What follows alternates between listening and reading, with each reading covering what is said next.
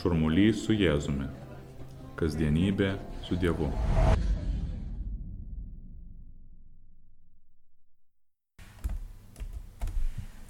Šis sekmadienis yra pirmasis gavėnio sekmadienis. Girdėsime labai glaustą Morkaus Evangelijos ištrauką. Anuo metu dvasia Jėzų pakino nukeliauti į dykumą. Jis praleido dykumoje 40 dienų šetono gundomas, buvo kartu su žvėrimis ir angelai jam tarnavo. Tad žvelgiame į Jėzų dykumoje. Apie dykumą, kurioje buvo Jėzus, galime pasakyti porą dalykų. Pirma, dykuma yra išbandymo vieta. Dykuma kupina pavojų. Žydai tai gerai žinojo, nes dykumą buvo matę savo akimis. Be to šventajame rašte jie buvo skaitę apie visus išbandymus, kuriuos patyrė jų protėviai, kai Moze išvedė juos iš Egipto vergyjos. Ten trūko visko - maisto, gėrimo, nuolatinės pastogės. Tiesa, kai ko dykumoje netrūko. Dykumoje apstu karščio, monotonijos, nuolatinio kilnojimasi iš vienos vietos į kitą. Netruko išbandymų bei velnio gundimo nepasitikėti Dievu, kuris buvo juos išlaisvinęs. Ir vis dėlto Jėzus dykumoje skelbia laisvę. Šventajame rašte dykuma gražiai vadinama Izraelio, Izraelio tautos pirmosios meilės vieta. Tai prašė pranašas Ozejas. Egipte izraelitai gyveno vergyjoje, buvo engiami. Kita vertus, tai buvo labai turtinga žemė ir jie taip pat turėjo daug patogumų.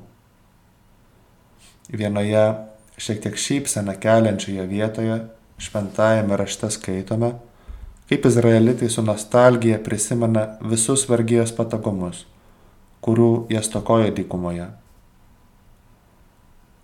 kas duos mums mėsos pavalgyti. Atsimename žuvis, kurias Egipte dykai valgydavome - agurkus, melionus, porus, svagūnus ir česnakus. Dykuma, kita vertus, turėjo visokių nepatogumų, bet tai buvo išlaisvinimo vieta, nes būtent dykumoje buvo išėjimas iš Egipto ir būtent čia izraelitams apsireiškia Dievas duodamas savo dešimt įsakymų. Būtent todėl tai pirmosios meilės vieta. Dykuma yra skausminga patirtis, bet taip pat tai kelias į laisvę. Ką tai sako mums? Sekimas Jėzumi teikia gilę ramybę. Bet ta ramybė nėra kaip kokie nuskausminamieji ir ne kaip bėgimas nuo iššūkių kaip galbūt kas nors būtų linkęs įsivaizduoti. Tai yra ramybė, kuris skatina drąsiai žvelgti į tikrovę, kovoti su blogiu. Pirmiausia, kovoti su savo paties trūkumais, kad atsiverstume, kad patys būtume tokie, kokius Dievas mus norėtų matyti. Po to skirti jėgas tam, kad mylėtume žmonės, visų pirma, pačius artimiausius, kad ir pasaulis būtų truputėlį labiau pagal Dievo planą.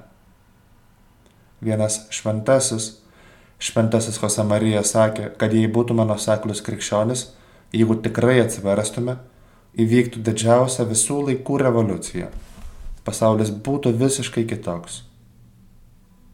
Gavėnė yra išlaisvinimo metas. Tai raginimas kažko atsisakyti. Kokio nors blogo įpročio arba ko nors perteklinio Tasai atsisakymas ne šiaip savo, o tam, kad mūsų gyvenime būtų daugiau erdvės tam, kas tikrai svarbu. Dievas, santykiai su kitais žmonėmis, projektai, kuriais bent kiek prisidedame prie visų žmonių gerovės. Būtų daug patogiau leisti dalykams tekėti savo vaga, kad viskas būtų taip, kaip paprastai. Šiomis dienomis minime valstybės atkūrimo dieną tiems, kurie statė nepriklausomą Lietuvą, tikrai būtų buvę daug patogiau likti namuose, nieko nedaryti. Bet tai niekada nėra geriausias dalykas. Profesinėme gyvenime kalbama apie būtinybę išeiti iš patogumo zonos - comfort zone. Taip pat ir dvasinėme gyvenime. Šventasis Augustinė sakė, panašiais žodžiais, jei sakai gana, esi pražuvęs. Toji kova galėtų pasireikšti labai įvairiai. Viena, viena aiški kovos apraiška - tai sąžinės patikrinimas, kiek gilesnis šiuo laiku.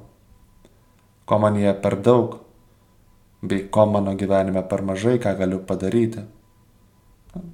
Pamastyti, suprasti, pasižymėti ir padaryti vieną kitą pasiržymą. Antra, prašyti Dievo pagalbos, melstis. Dievas veikia, kai duodame jam galimybę. Jėzus buvo dykumoje, joje nugalėjo. Jis įkvėps ir mus ir padės mums.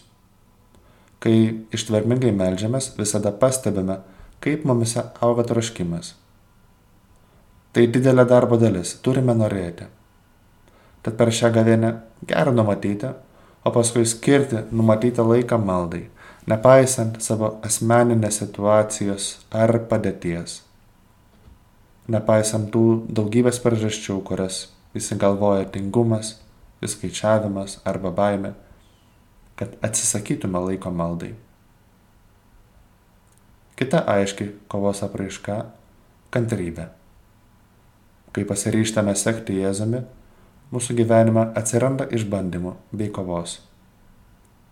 Tai nereiškia, kad kova nesėkminga arba kad mūsų malda nevaisinga.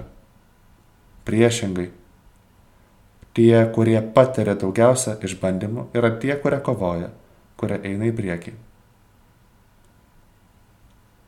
Jėzus padės, įkvėpdamas imtis iniciatyvos kovoje, eiti į savo dykumą. Tuo tarpu Marija, Dievo motina ir kiekvieno iš mūsų motina ras būdų padaryti tą kovą lengvesnę ir švelnesnę. Amen.